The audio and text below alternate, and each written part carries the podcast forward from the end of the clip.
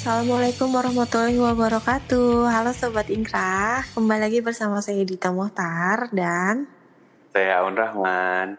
halo apa kabar? Baik, ini nanya ke kabar saya kan saya bukan Iyalah. Baik, alhamdulillah. Baik, alhamdulillah ya. Sebetulnya eh, jadi sebelum kita masuk ke topik nih Aun, karena eh, pengen pengen bahas bola sedikit, karena kan tidak bisa lepas dari citra kita berdua ya, anak bola gitu. Kemarin-kemarin kan sempat eh, diomongin Messi mau pindah dari eh, Barcelona. Kalau menurut Aun nih satu pertanyaan, eh, kalau nggak di Barca, di mana Messi cocoknya? Kalau nanya cocok atau enggak, sebenarnya kalau pendapat pribadi pulang ke Argentina ke timnya dia di Newell's Old Boys itu sebenarnya itu ideal cerita ideal keren banget lah. Oke. Mirip ceritanya Maradona, ceritanya Tevez, ceritanya banyak pemain Argentina yang pulang lagi ke Liga Argentina gitu setelah main di Eropa. Ha, ha. Tapi kan pertanyaannya adalah apakah tim Argentina ini punya duit untuk bayar Messi? Tentu tidak. Jadi harusnya di mana? Ide- eh, ya, oke, idealnya itu. Idealnya itu sebenarnya. Tapi kalau misalnya Realistisnya di mana realistisnya? realistisnya kalau lihat berita-berita ya City sama PSG kan yang ternyata bacanya bukan PSG tuh, teman-teman Ingkra. Apa? Emang PSG katanya. PSG. PSG. Oh PSG. Oke oke. Bahasa Prancis. Ah, iya iya iya iya, PSG. Nah, ini dua tim ini tapi kalau baca-baca eh ya berita-berita Eropa ya kayaknya kemungkinan besar City karena ada Guardiola, uangnya juga masuk. gitu. Uang bisa. Uang gitu. oh bisa dong ya. Kadrun kan banyak uangnya.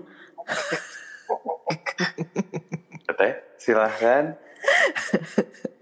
Baik. Kenapa? Kok kata Teteh? Kalau ya realistisnya City lah tentulah. Siapa lagi yang siapa lagi yang mampu ya sama si PSG itu. Cuman PSG kan biasanya jadi nggak jadi apa-apa orang kan ya. Kalau Iya. pindah ke sana gitu. Cuman kalau pengennya sih eh pengen lihat dia di Madrid nggak mungkin. Biar ini banget ya, biar biar, biar kayak Vigo atau nggak Ronaldo gitu. Biar Ronaldo biar Ronaldo banget cuman kemarin-kemarin kan banyak tuh ya gua ke Persib aja gitu kan biasa kan kan eh, orang sini kan suka halu ya ke Hmm. Persib aja gitu jadi di- kalau dipikir-pikir ya juga ya Messi kalau misalnya pengen ngerasain hidup agak pas-pasan mungkin bisa lah agak dicoba gitu gitu. makan nasi rames gitu misalnya Mau ke stadion, eh, ke Jalak Harupat, udah pengen buang air, tapi macet di perempatan Kopo. Itu mau dicobaan. gitu. siapa tahu mau ngerasain yang kayak gitu tantangan lah ya hidup tuh kan. Iya siapa betul. tahu gitu loh. Kalau City mau kan enak banyak duit. Gitu PSG kalau- juga. ngomongin cuaca ya teh sebenarnya PSG sih yang enak gitu di Paris kan. Paris makanan enak cuaca hangat gitu.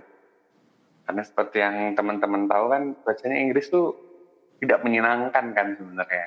Mm-mm, serem gitu ya kayak nggak ok- wah makanan juga nggak enak lah.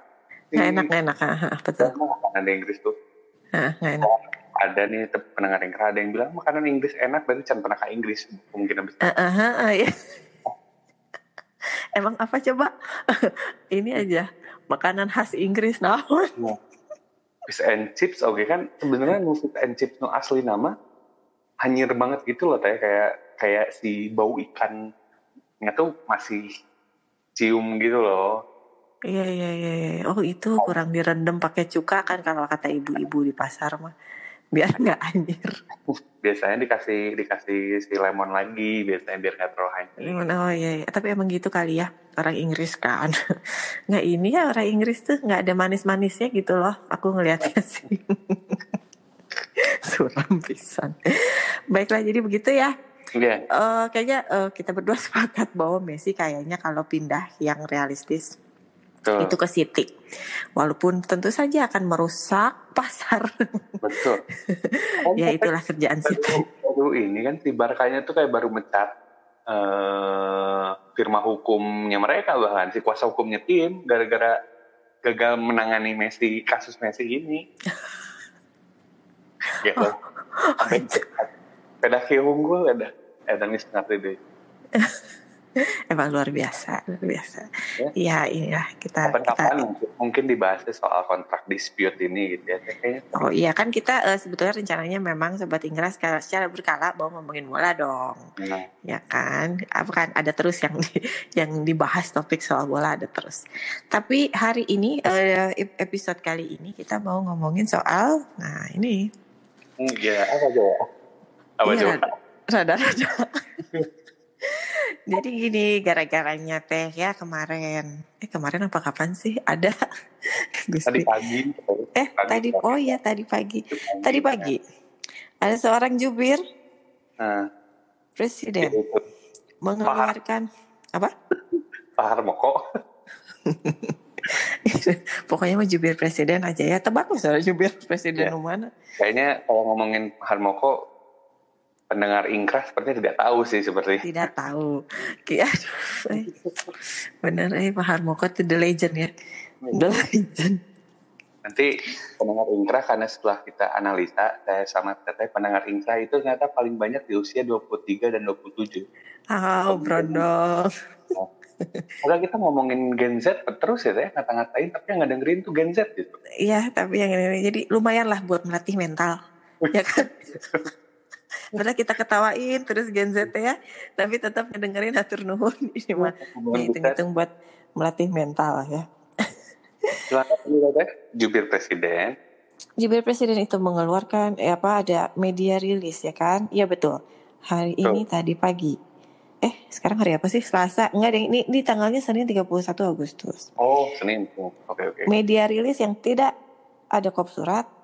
eh, kemudian juga nggak ada apa-apa lah. Nggak ada logo atau nggak ada apa-apa gitu ya. Juga Nggak ada tidak cap, apa? Nggak ada cap. Nggak ada cap. Pokoknya nggak ada apa-apa. Dengan judul, nah, iya ya judulnya. Aktor digital, ujung tombak transformasi dan demokrasi digital. Nah, coba ya, saya mengerti ini apa. Sama saya tadi di RT, cuman ngomong naon gitu, gitu. Apa gitu ya, coba Aun sebagai anak politik, kira-kira bisa menjelaskan nggak ini maksudnya gimana? Eh, aktor digital sebagai ujung tombak transformasi dan demokrasi digital. Kira-kira aja ini kita kan kira-kira kita kan bingung nih. Tapi kira-kira maksudnya apa nih? Aktor digital tuh kayak gimana sih? Ini kita dari sisi saya dulu ya, dari sisi politik ya, pendengar Mm-mm. ingkras. cerita. Mm-mm. Ini juga padahal baru kita kemarin bicarakan soal bahasa yang ngejelimet.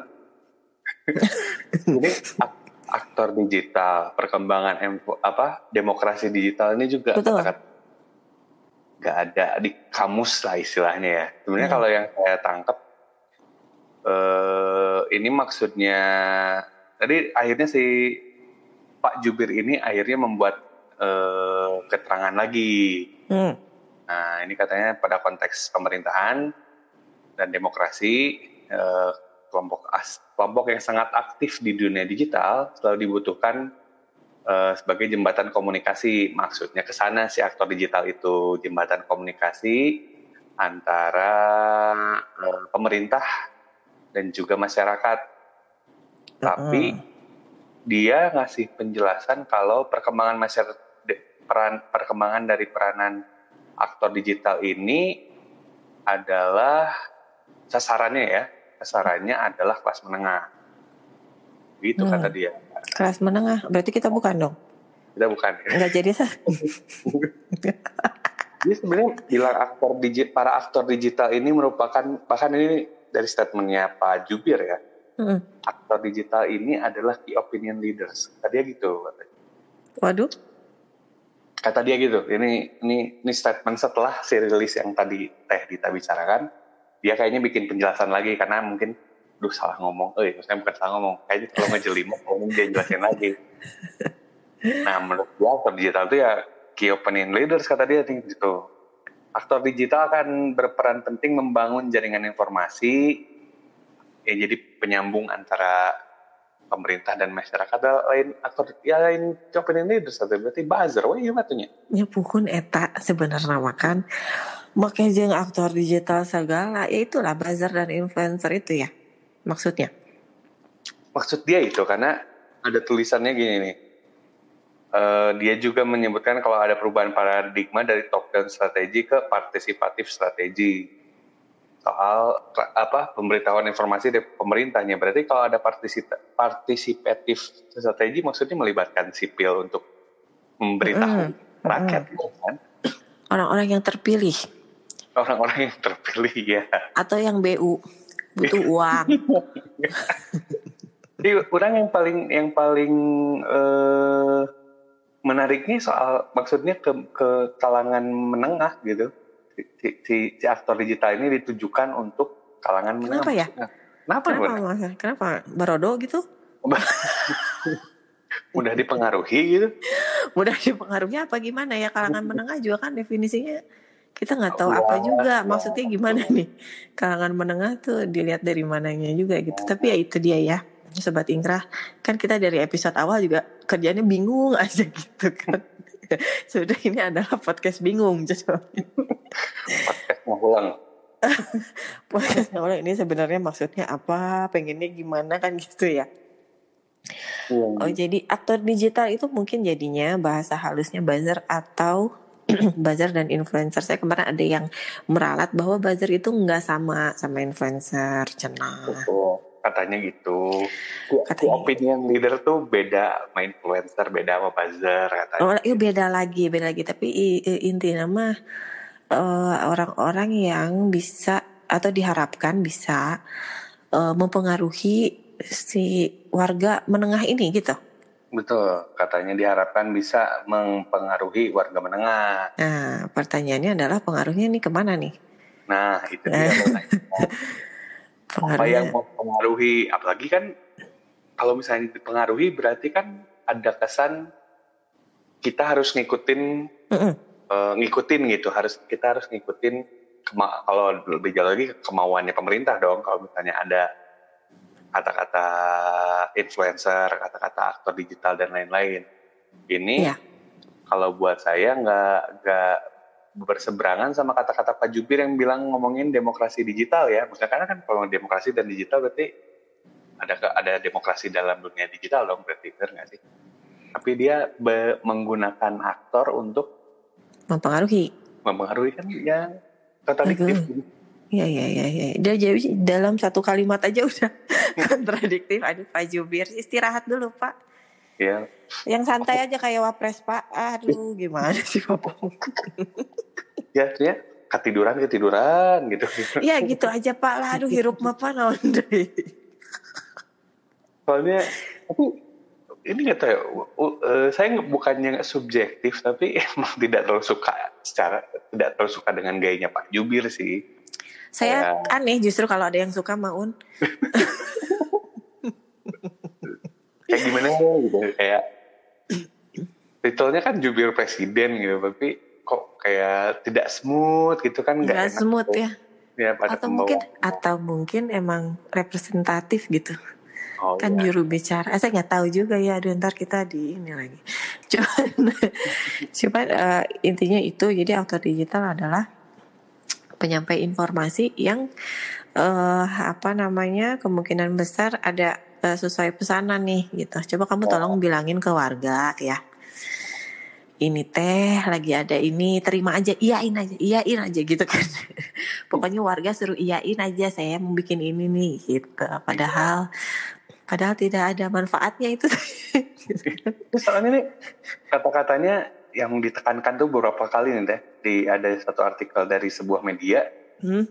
komunikasi kebijakan publik eh, transformasi informasi perkembangan informasi ya berarti kan di aktor digital ini ditujukan untuk ngejejelin kita informasi berarti kan hmm.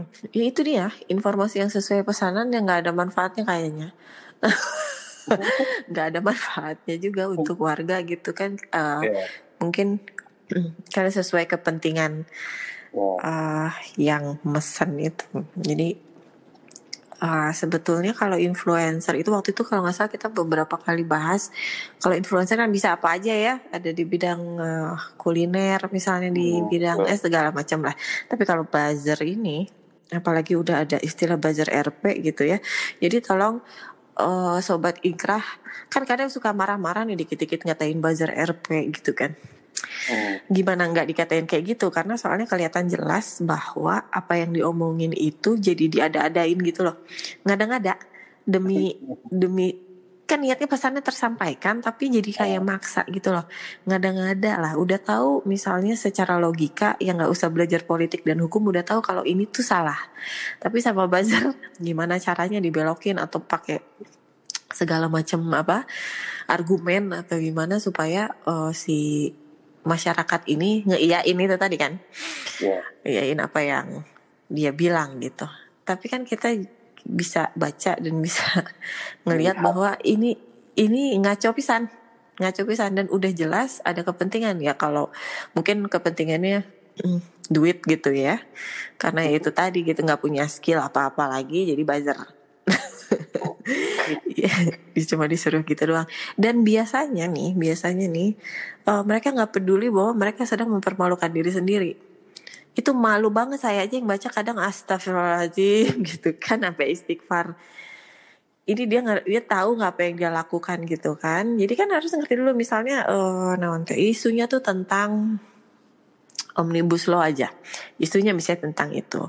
Jadi ini sudah banyak penolakan terus tiba-tiba si A ini harus uh, apa namanya harus harus harus dibelain kan harus meyakinkan bahwa kita perlu ini undang-undang ini gitu ya walaupun udah banyak ditolak gitu oh. nah sebetulnya ya yakinkan kami kan yakinkan kami oh. uh, ini uh, perlunya di sebelah mana atau misalnya kalau kami ada keraguan tentang uh, beberapa pasal yang kayaknya merugikan uh, kaum pekerja atau merugikan buruh tunjukkan buktikan kalau kami salah gitu kan? Kan gitu ininya apa namanya? Harusnya. Tapi ya ke mana-mana gitu loh. Mana-mana ya, lah gitu. Ya butuh kerja lah apa. Tapi jadi nggak ada pertanyaan yang terjawab juga nggak ada kecurigaan atau keraguan yang terjawab. Jadi kan makin yakin oh ini dia nggak ngerti apa-apa sebenarnya. Cuman dipaksa eh atau dipaksa dibayar untuk uh, melakukan uh, hal itu supaya uh, dengan harapan si masyarakat ini jadi mendukung disahkannya oh. RUU itu. Jadi gitu. Jadi kalau misalnya apa ada yang bilang sensi amat sih apa emang salah jadi buzzer apa? Ya sebetulnya ya gitu saya nggak tahu ya nggak tahu juga ada di Al-Quran apa enggak nih ke, untuk muslim jadi buzzer teh halal apa enggak saya nggak tahu. Cuman kalau yang ngebelain kan gitu emang kenapa sih kalau jadi buzzer? Gitu kan. Emang nggak boleh? Bukan nggak boleh gitu cuman uh, ya gitu aja lah malu ngelihatnya juga gitu. Apakah Anda masih punya harga diri atau tidak? Iya gitu. Ya ngelihatnya tuh separah itu jadinya. Karena saking argumennya saking jeleknya argumennya. Tapi kalau misalnya bisa smooth ya itu tadi kan. Kalau bisa smooth ternyata sebenarnya ini uh, informasi nggak berguna berguna banget. Tapi bagus dibawakan dengan uh, apa bijak misalnya dan bisa meyakinkan banyak orang ternyata oh iya ya kita butuh nih undang-undang ini. Ternyata yang kita khawatirkan tidak akan terjadi nih. Ternyata mereka mm -mm, bisa meyakinkan bahwa kan katanya ada cuti hamil lah. Eh nggak ada cuti hamil kemudian juga uh, apa outsourcing ya outsourcing. nah yang yang keraguan-keraguan itu dijawab semua walaupun nanti pada saat disahkan. Walaupun nanti pada saat disahkan itu akan beda cerita lagi tapi ini kan dalam rangka meyakinkan oh. itu harus yang bagus sebagus mungkin. Ini aja mereka nggak bisa lakukan gitu. Jadi udah udah mental semua tuh jadi makin enak udah mah ngomong wae si buzzer itu teh. Udah gitu uh, apa namanya ngomong wae udah gitu salah gitu kan. Jadi hmm. yang di yang diomongin tuh terus terusan kayak misalnya sama uh, tentang covid juga. Uh, beberapa ada yang bilang gitu kalau oh Indonesia sudah bagus menangani dan segala macam. Tapi kan tentu kita apalagi yang uh, yang keluarganya hmm, apa ada nakes gitu kan? Kan uh, pasti ngelihat sendiri gitu ya kan? Ngelihat sendiri gimana yang ada di implementasi di masyarakatnya gimana. Dan uh, orang-orang yang di hire untuk ngabobodo ini ngabobodo orang-orang yang di hire untuk ngabodo-bodoin orang ini uh, harusnya bukan harusnya ya tapi mereka tuh juga nggak bisa ngelihat ke lapangan gitu. Disesuaikan aja. Oh lapangan kayak gini maka ini yang harus saya omongin gitu. Terus kita lebih tahu apa yang harus diomongin sama buzzer daripada buzzernya sendiri. Ya itu dia kayak apa ya, ini kan misalnya kayak kehidupan sehari-hari lah. Kalau kalau misalnya kamu suka lagi suka sama orang terus eh, pengen meyakinkan kan pasti pilih bahasa yang enak gitu loh kan. Pakai kata-kata yang pas biar oh iya juga ya kamu emang serius sama aku gitu. Ini kan Mm. Meyakinkan tapi bahasanya marah-marah kamu mau nggak sama aku kamu mau kan eh, gitu. Kamu tuh ya. begitu Iya gitu iya iya. Emang kayak gitu betul gitu banget. Jadi kamu kalau nggak mau sama aku, ay Oh, itu kayak ngancem nih loh kamu nggak tahu bapakku siapa kan iya terus Iya iya iya. Analoginya seperti itu. Jadi mau ngambil hati, tapi malah bikin emosi. itu ilfil kan Pegawai ya. Iya itu. Jadi aktor digital itu ya kalau namanya aktor kan berarti harus ya ya berperan kan, berperan. Tapi Betul. perannya ya nggak ada yang signifikan bisa membawa perubahan yang lebih baik gitu aja. Gitu. Jadi jadi itu yang yang bikin orang-orang atau netizen lah ya terutama eh jadi enak banget gitu. Jadi mungkin orang yang senggang dan punya banyak waktu tuh didebatin semua. Tapi biasanya juga kalau misalnya apa mentok juga udah nggak bisa udah nggak bisa balas apa-apa lagi tapi besoknya gitu lagi gitu kan ya Nah. gimana ya kan harus terus-terusan kan kita bicara soal aktor digital berarti Indonesia mesti meraup me, me- apa ya biasanya kalau misalnya si buzzer buzzer ini nih eh, kalau lagi kalah gitu ya maksudnya kalau wah udah nggak bisa ngejawab biasanya ngedoxing teh biasanya kalau Oh, iya misalnya betul. kalau misalnya kalah tuh aduh nggak bisa nggak bisa bales gitu nggak bisa bales eh, argumen eh, ngedoxing biasanya kemungkinan besar. Itu sebetulnya kalau doxing ini eh, saya nggak tahu apa yang ada kepuasan tersendiri nggak sih? Eh, kalau misalnya kita me- apa menyebar luaskan data orang gitu mungkin mungkin ada ya. Kalau mungkin kita berdua sih nggak nggak peduli ya. Cuman eh, kayaknya sih kayak gitu nggak tahu deh eh, orang psikologi eh, melihat ini kayak gimana. Cuman doxing ini kan sering kali dianggap sebagai eh, suatu tindakan yang powerful Jahat. gitu Ya. Oh jahat map jahat pasti kemudian powerful gitu. Jadi di saat orang men- misalnya dia udah mentok udah gitu nggak ada argumen apa apa lagi terus dia cari tahu ini si orang ini nih latar belakangnya apa? gitu. Latar belakang keluarga dikasih tuh rumahnya udah gitu nomor HP yang paling ini sih kerjaannya di mana gitu ya. Dia kerja di mana terus juga eh, keluarganya dan sebagainya gitu. Maksudnya eh, ini juga dilakukan oleh akun yang sekarang suspended kalau nggak salah suspend. Oh. akunnya. Itu luar biasa. Followersnya banyak banget gitu ya. Dan Dan beberapa teman saya kenapa? Dan ngegas ngegas terus. Ngegas terus. Eh, beberapa teman saya follow sih. Nggak beberapa ada yang banyak malah. Tapi saya harap eh, mereka follow bukan karena ngefans tapi memang karena pengen tahu apa yang terjadi di akun itu ya. Cuman Oh. kalau mendukung eh itu mendingan nggak usah temenan lagi lah kita. Saya nggak follow kebetulan. Eh, Tapi ya saya juga nggak follow. Tapi kan tapi suka lewat kan? Ya lewat dan kadang-kadang ngeklik aja si akunnya gitu. Oh lagi ribut sama si A Eh, gitu. lagi ribut sama si A terus di doxing. Jadi itu kan eh, kayak peringatan untuk si lawan eh, kalau kamu macam-macam nanti saya akan eh, doxing nih sebarluaskan data kamu juga gitu kan. Eh, itu adalah suatu bentuk eh, intimidasi yang jahat banget kalau menurut saya kayak gitu. Eh, tapi emang sih kalau punya power nih Un biasanya ngerasa hmm, followers banyak misalnya gitu ya atau apa Twitter darling gitu Iya, ngerasa banyak yang belain Hmm. itu suka lupa kalau sebetulnya kita tuh nggak boleh jahat kayak gitu Oh, kalau misalnya betul. ada yang kalau misalnya ada yang nyebelin apalagi aduh apalagi nyebelin di internet tuh ini banget deh. Eh, apa nggak usah ditanggepin banget gitu ya harusnya kalau udah happy sama kehidupan nyata sih. Kalau udah settle beneran. Eh, apa pun yang dibilang orang-orang kan nggak kenal udah gitu juga nggak nggak ketemu langsung gitu. Itu simpelnya emang kita diamin aja. Cuman biasanya orang ada yang memilih untuk mendoxing. Gitu kayak misalnya Allah nggak usah sosokan lah. Orang apa namanya masih gini gitu misalnya gitu ya di di di di apa Oh. namanya data gitu S3 aja belum tapi udah sosok bikin teori ya gitu-gitu kan. kayak gitu Oh. Atau enggak ah apaan tuh dari kampus apa kamu gitu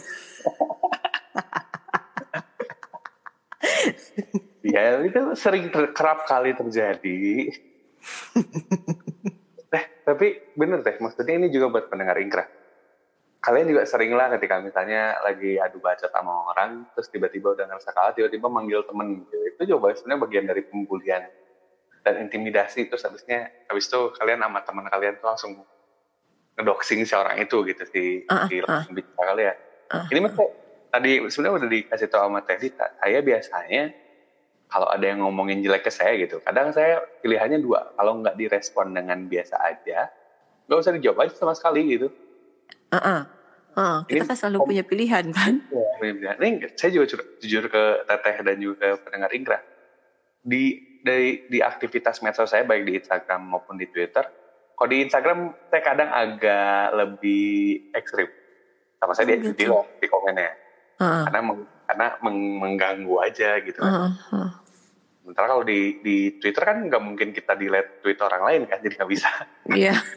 Yeah. Biasanya nggak, misalnya uh, saya lagi habis nulis soal, habis habis nge-tweet soal uh, apa ya misalnya, soal pemain bola ya menurut saya bagus gitu.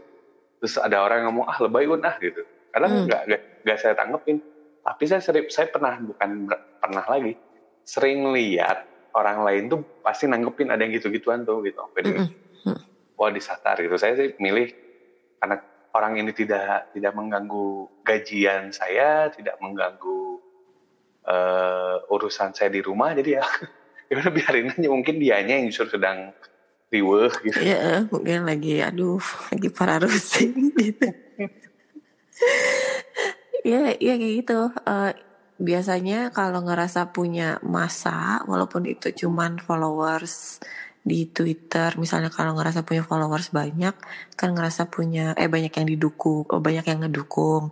Jadi kalau misalnya melakukan doxing, itu banyak yang uh, apalagi kan kepo ya uh, ini attitude apa namanya tabiat warga kan kepo oh, gitu. Ya pengen tahu aja walaupun juga bukan urusannya. Ini saya bukannya naif, tapi kalau untuk hal ini emang saya bener-bener nggak pengen tahu soal latar belakang orang sih, soal eh, data-data atau oh dulunya dia kan ini tinggalnya di gang, misalnya gitu kan? Banyak tuh yang kayak gitu.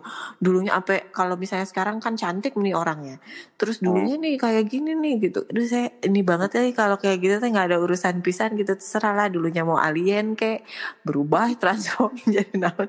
Asli itu sama sekali sekali nggak ada manfaatnya gitu. Misalnya bukan sesuatu yang harus diomongin juga kan itu low banget gitu loh. Rendah low banget. low banget. Kecuali ya kan? Kecuali oh kalau dulu dulu nih sebenarnya si ini teh pernah korupsi gitu misalnya. Itu kan wah parah gitu kan? Itu kan ada sesuatu yang oh iya ya tindakan dia yang sekarang mungkin ada uh, efeknya ada ha, ada pengaruhnya dari tindakan dia yang dulu. Misalnya ini kan uh, dalam rangka uh, apa namanya mencari tahu nih si orang ini oh dari dulu dia mah udah menggelapkan duitnya ini ah misalnya gitu. Itu oke okay lah itu oke okay lah sejarah kelam uh, apa tindakan-tindakan pidana misalnya gitu. Tapi kalau misalnya aduh dulu tuh si goreng sih ya. Atau enggak dulu kan di sekarang cantik ya dulu malah laki. Misalnya gitu kan. Aku mah nggak nggak saya nggak nggak peduli yang kayak gitu-gitu nih. Uh, apa namanya sobat ikrah ya tapi banyak orang yang peduli dan pengen tahu yang kayak begitu begitu ya. jadi aktivitas doxing ini banyak fansnya. Ya, banget banget banget. Iya, banyak banget gitu. Padahal tweet lama, wah sudah. Oh iya betul betul. Tweet lama juga, aduh ya Allah, ini banget ya. Emang sih kayaknya, uh, kayaknya kita nggak boleh salah ngomong aja gitu ya. Tapi banyak juga yang bilang kalau ya namanya juga orang gitu kan, pastilah ada salah-salahnya gitu. Tapi sebetulnya jadi gini un, kalau misalnya untuk kalau misalnya kita lagi berdebat atau berantem lah gitu sama orang, perlu tahu sih latar belakang orang itu, tapi yang jangan adalah menyebarluaskan privasi dia. Misalnya kita cuma perlu tahu nih saya berantem nih sama orang. Kan pasti ngomong biasanya ya, eta budak mana sih? Iya. Yeah. tapi betul, saya sepakat sama Cerita. Ini mah juga buat pendengar Indra. Ketika saya misal, tapi saya relatif tidak pernah berdebat di di timeline yeah. ya. Mm -hmm. Kalau misalnya lagi lihat orang berdebat, dia lulusan mah sih? Nah ngomong nah. Tapi kan untuk kita sendiri, maksudnya kita tahu, Iya. oh gitu. Oh, ketika Hmm, misalnya oh aja, oh aja. sekolah swasta tidak terkenal, jadi oh, udah sih gitu kayak. Oh, ya oh, Iya kadang saya nanya misalnya si ini, aduh ini kok rese Oh, gini ya, misalnya saya mungkin nanya sama swasta, orang berdua ngajarnya di swasta. pun kadangnya eh si iya pelanggaran. Tapi ya, maksudnya kayak, oh pantes gitu. Saya kayak cuman gitu-gitu doang. Hmm. enggak. Tapi kan nggak jadi kita ini juga eh kampus swasta dasar kan nggak gitu juga. Gak gitu, ya udah diemin aja kayak udah udah sih kayak udah kan masalahnya orang-orang tuh sampai kayak kepo bangetnya gitu. Oh ini kamu pernah pernah, pernah mabok di sini gitu kayak. Ya Allah, sampai ke sana-sana banget. Iya, kok peduli banget malah. Harusnya kan justru kalau lagi sebel ya nggak peduli. Cuman kita perlu tahu sebetulnya eh, alasan lain adalah untuk mengukur kekuatan, kan? Misalnya ya, waktu itu nih eh, sobat Ingkrah yang alumni Unpad mungkin tahu kalau kami lagi ada acara eh, pemilihan ketua IKA Betul. Unpad ya kan. Nah, kan itu eh, apa namanya suka ada debat-debat kecil lah di WhatsApp grup ya kan. Hmm. Eh, kan ada yang dukung A, ada yang dukung B gitu di WhatsApp grup alumni nih. Nah waktu itu pernah saya eh, mengeluarkan satu opini, terus udah gitu nggak diserang sih, tapi ada yang mendebat gitu. Nah sebelum saya nyerang balik debat tersebut, apa kalimat tersebut, saya nanya ke teman saya, ini angkatan berapa? Saya nanya dulu, terus teman saya bilang 2006 sikat weh. Oh 2006 Jadi saya tahu Oh ternyata ini junior saya. Jadi nggak apa-apa deh saya balas. Tapi kalau dia bilang e, Itu angkatan 94 Udah doktor. Ah Udah ya udah. Iya iya. Kalau Iya, gitu. iya. Jadi sebetulnya Perlu tahu latar belakang orang yang lagi kita hadapi gitu ya. Betul. Tapi hanya untuk eh, Apa namanya Sebatas kita tahu harus gimana harus menghadapinya gitu. Kayak dulu teman saya Saya mengajak berantem orang nih eh, Udah pede-pede Eh nggak tahu ya Anggota Kopassus Reward jadi Tapi betul, ini juga harus dica- dicamkan oleh teman-teman eh, sobat ingkrah nih. Mendek ngajak gelut, kalau mau ngajak berantem cek dulu orangnya siapa. Hmm. Oh iya iya iya. Jangan Tahu-tahu- sampai tahu-tahu anggota Kopassus kan, ospeknya aja Iya. nyebrang selat loh. tahu-tahu ini ponakannya Luhut Bintar kan tidak lucu jadi Tidak jadi lucu. gitu. oh, Jadi gitu. bukan takut ya, tapi kita Oh. lebih bijak aja dalam bersikap. oh ya udah gitu mangga ya gitu. Oh ya udah kalau gitu mah, eh, ya udah didiemin udah. aja. Karena kan Ya. prinsip saya dan Aun itu adalah eh, kita diemin, misalnya orang yang bikin sebel gitu, kita diemin atau kita ajak gelut. There's nothing in between ya di tengah-tengah tuh apa kayak misalnya apa tweet war ah, nggak ada nggak ada gelut atau ngediemin udah itu aja Tapi soalnya kad- kadang kayak Twitter tuh gak worth my time aja gitu Iya. kayak Heeh. jadi oh, gitu. kadang pasti-pasti aja ini kalau misalnya curhat sama Tete dan juga dengan Ingkrah saya tuh bukan cuma soal bola ya ada beberapa kasus lain di mana ada beberapa kayaknya orang orang beberapa orang tuh mancing saya berdebat gitu. Masalahnya karena saya menganut eh, filsafatnya Pak SBY Hmm? eh, zero enemy million friends. Hmm. jadi kadang sama saya ketika dia udah naik nih ini, ini sama saya dibentahin lagi. Oh iya mangga pendapat akang demikian. Kalau saya sendiri seperti ini diplomat banget kan? Diplomat banget. Oh iya iya iya ya secara kan HI ya jadi oh iya pendapat akang mangga demikian. Kalau pendapat saya sendiri seperti ini. Ada keragaman pendapat sangat bagus. Kalau saya biasanya kayak gitu. Soalnya kayak malas aja kayak eh, pendapat mana pendapat mana pendapat orang pendapat orang Udah, Hmm. orang. Mm-mm. kan seperti yang kita bicarakan pekan kemarin saya nge- kita nge-tweet kan belum tentu buat orang lain. Lagi pengen nge-tweet aja gitu lagi Mm-mm. pengen ngomong aja gitu. Hmm, betul. Iya, jadi gitu. Eh, apa namanya? Iya, sebetulnya sih bijaknya sih semua didiemin aja. Tapi kan ada aja orang yang ya itu mungkin lagi agak pusing gitu ya, lagi senggang juga, jadi semua di semua Dihantam. dibalesin, semua dihantam. Tapi karena dia ngerasa dia punya power untuk akses data orang, jadi itu yang dia lakukan gitu ya. Jadi eh, kalau dari saya pribadi ini opini saya pribadi itu low banget itu lo banget yang kayak begitu. Jadi kamu ngadepin uh, orang itu misalnya udah tahu datanya nih oh dia begini begini begini nanti pikir sendiri gimana cara ngelawannya selain uh, apa namanya selain uh, bongkar privacy orang hmm. gitu loh. Itu kan berarti cari temen kan. Berarti kan nggak bisa nggak bisa diadepin diadepin sendiri gitu atau ya kalau dulu saya dari SMP sih udah gengsteran tuh nggak ada yang kayak gitu. Boro-boro doxing. SMP jadi kalau geng motor Bandung kan ya nggak peduli siapa gitu sikat aja kalau nyebelin. Gitu jadi emang nggak pernah eh, nggak uh, pernah kepikiran bahwa doxing adalah menjadi salah satu senjata gitu. Apalagi sampai disebarluaskan nih orang ini yang bikin saya kesel ini rumahnya di sini. Udah gitu kerjaannya di sini nggak gitu. Eh please. Itu eh. nih disebarin di WA group disebarin di timeline. Waduh. Mm. PR banget. Hmm, ya udah gitu mau apa? Kalau udah kayak gitu mau apa gitu kan? Maksudnya si dan awalnya biasanya juga nggak terlalu penting juga sih Un bukan hmm. bukan bukan bukan soal yang krusial krusial banget gitu. Ah paling cuma tersinggung dikit. Nah awalnya cuma biasanya cuma gitu doang. Tapi kalau bisa kita bicara soal perlindungan data ini harusnya ada undang-undangnya kan? Kemarin jadi undang-undang itu uh, soal soal perlindungan data udah tersebar di banyak undang-undang tapi mengaturnya cuma umum aja. Uh, soal soal data ada di undang-undang tentang telekomunikasi pasti, undang-undang ITE pasti ada kependudukan yang begitu-gitu adalah di situ ya. Uh, tapi masih ini undang undang-undang perlindungan data itu masih berbentuk rancangan yang udah ditandatangan sih sama Jokowi. Cuman uh, kalau masih rancangan berarti belum bisa dipakai kan? Betul. Uh, di di di undang-undang tersebut itu ancamannya kalau misalnya kita menyebarkan data yang tidak pada tempatnya ya disalahgunakan lah itu. Ini salah guna semua kan yang ada di Twitter itu ngapain coba? Pidana penjaranya 7 tahun, kemudian denda maksimal 70 miliar gitu. Jadi sobat ingkrah biasanya saya hanya menyampaikan uh, eh, RUU atau undang-undang uh, suatu um, suatu perkara ya suatu tindak pidana gitu saya hanya menyampaikan bahwa undang-undangnya ada atau rancangan undang-undangnya lagi dibikin. Tapi bagaimana implementasi di masyarakatnya itu terserah yang bersangkutan. Saya kalau bisa ditanya teh kalau ini biasanya gimana? Aduh itu tuh nggak bisa benar-benar nggak ada yang pasti loh.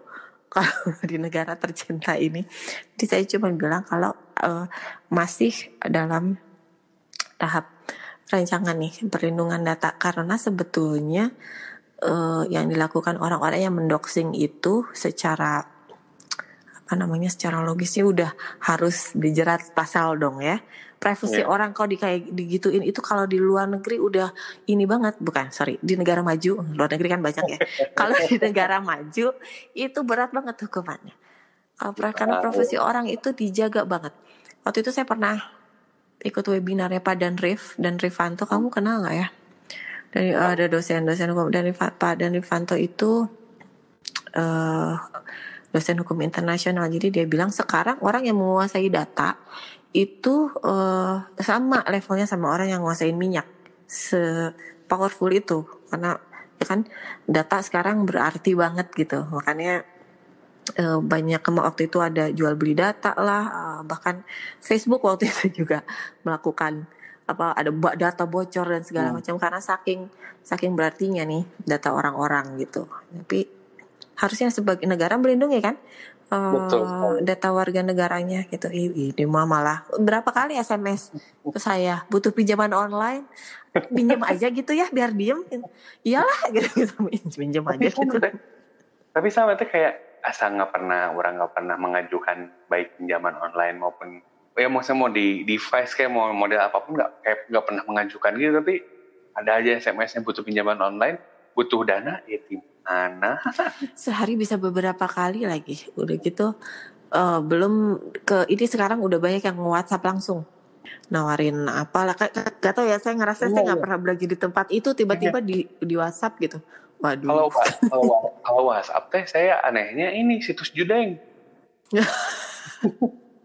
Mungkin karena tahu kamu anak bola ya, bisa, bisa pengen judi gitu. Pengen bisa pengen profile gitu. Ada berapa kali aku saya blok blokin kan kayak asa uh. asa itu long day itu maksudnya udah udah sudah tidak melakukan itu lagi dan tidak pernah masukin nomor nomor telepon juga gitu yeah. kayak dari kok ada gitu. ini soal breaching data ini ini kita setelah 40 menit baru bicara serius berarti. Atuh ya emang butuh ini panasnya agak lama iya.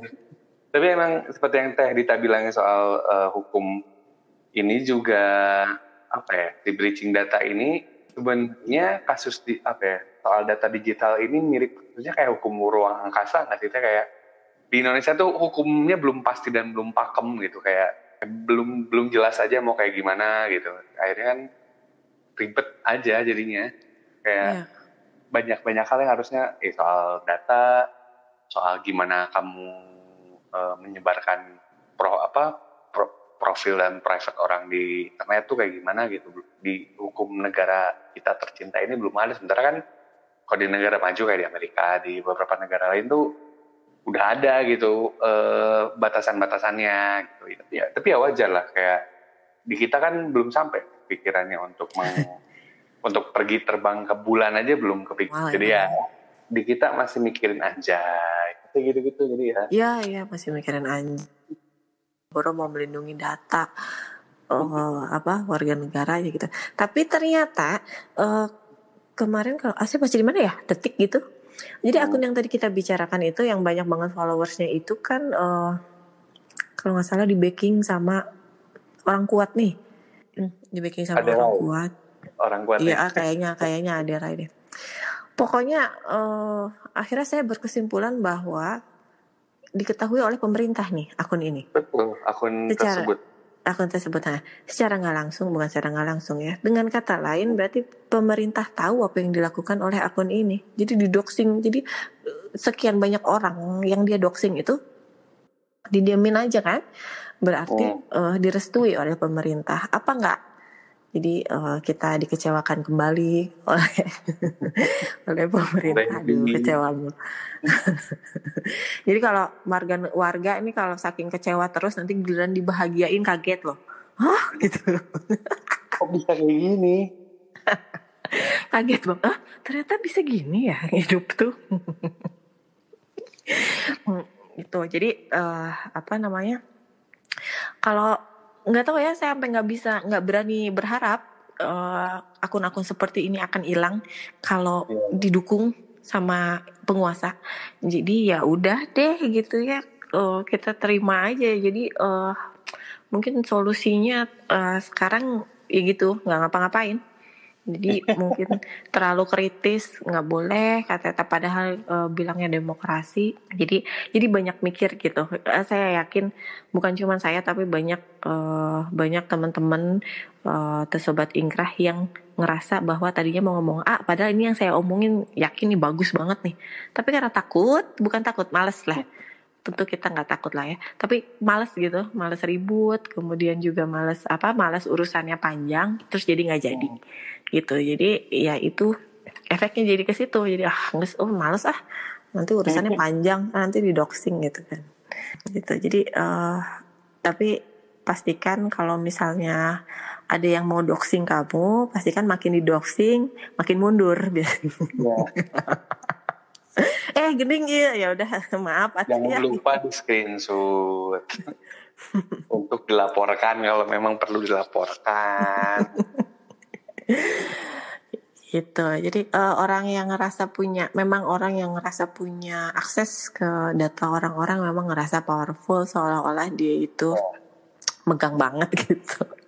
Karena banyak bukan uh, bukan sebagian lagi kan banyak orang yang ngerasa takut uh, privasinya itu apa namanya bukan ketahuan bukan mungkin bukan takut ya terekspos sama orang-orang ke simpelnya nggak nyaman aja kan kalau misalnya orang tahu soal privasi dan segala macam walaupun banyak orang yang dengan sukarela dari bangun tidur sampai tidur lagi di Insta Story gitu kan Hai guys aku lagi di sini guys gitu kan atau aku lagi di sini gitu. Kalau saya nggak tahu ya, uh, yang introvert tuh kayak gimana. Cuman kan uh, saya sama Aun tuh juga kan nggak terlalu sering main gitu orangnya.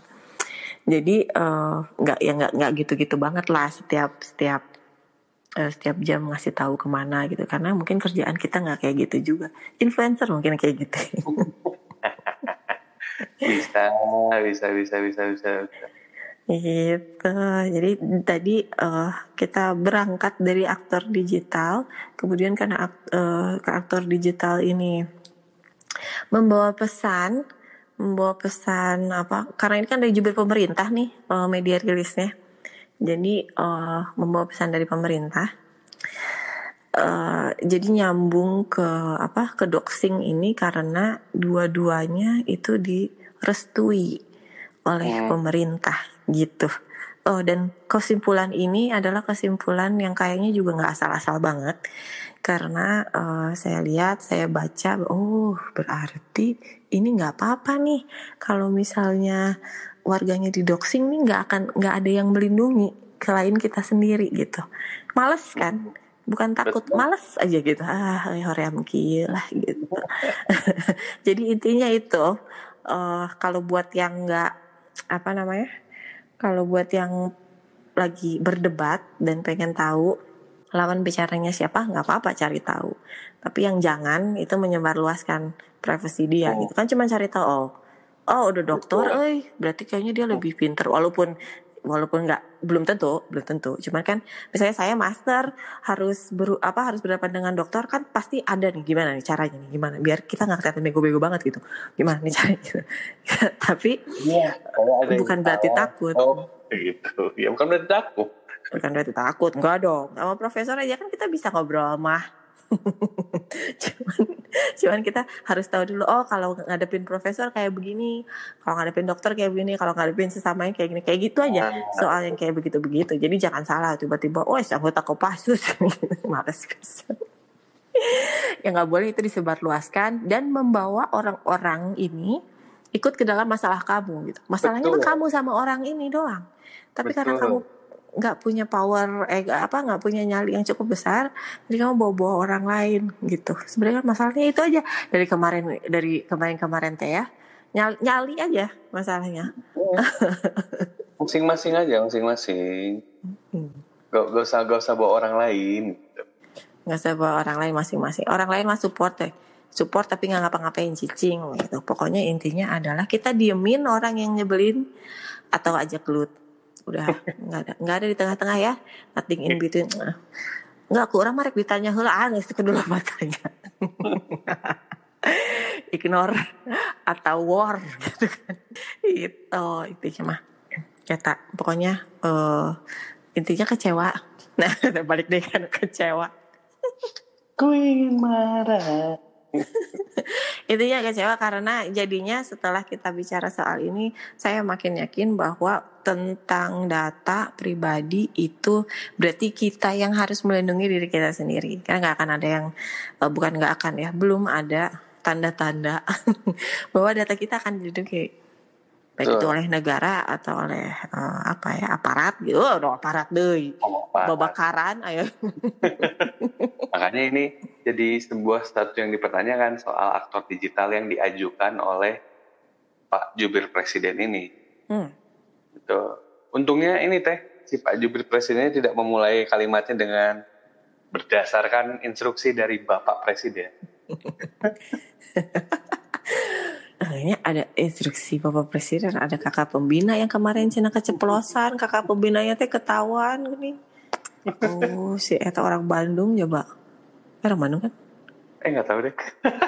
eh, eh, eh, eh, ya gitulah pokoknya mah. Eta. Okay.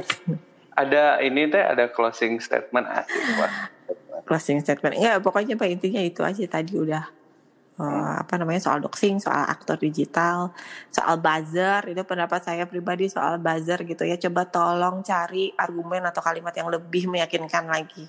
Jadi kita kita nggak mikir kalau kamu tuh aduh butuh duit gini banget sih ya gitu. Yang lebih ah. smooth uh. gitu loh. Caranya lah, tuh udah. Dari Aun ada lagi? Ya itu yang saya bilang kalau ternyata hukum digital di Indonesia itu sebelum sebelum bicara soal aktor digital yang disebutkan Pak Jubir, kalau mau ya bikin regulasi yang firm dulu gitu sebelum ngomong-ngomong soal itu gitu. Mm-hmm. Ini kan kayak agak asal aja gitu, maksudnya kayak agak nggak ada base yang kuat aja ketika dia bicara yeah. soal aktor digital. Mm, betul. Begitu. Baik. kami rasa cukup sekian kita ngacapruk soal aktor digital beserta uh, kebiasaan doxing ya. Betul. Saya doakan mudah-mudahan sobat Ingrah uh, selalu aman data-datanya.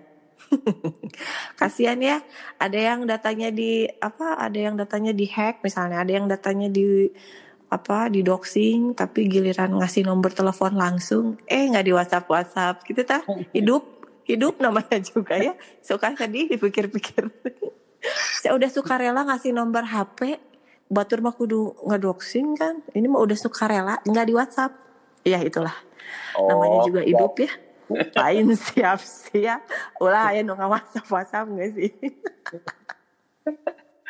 Blok okay, okay.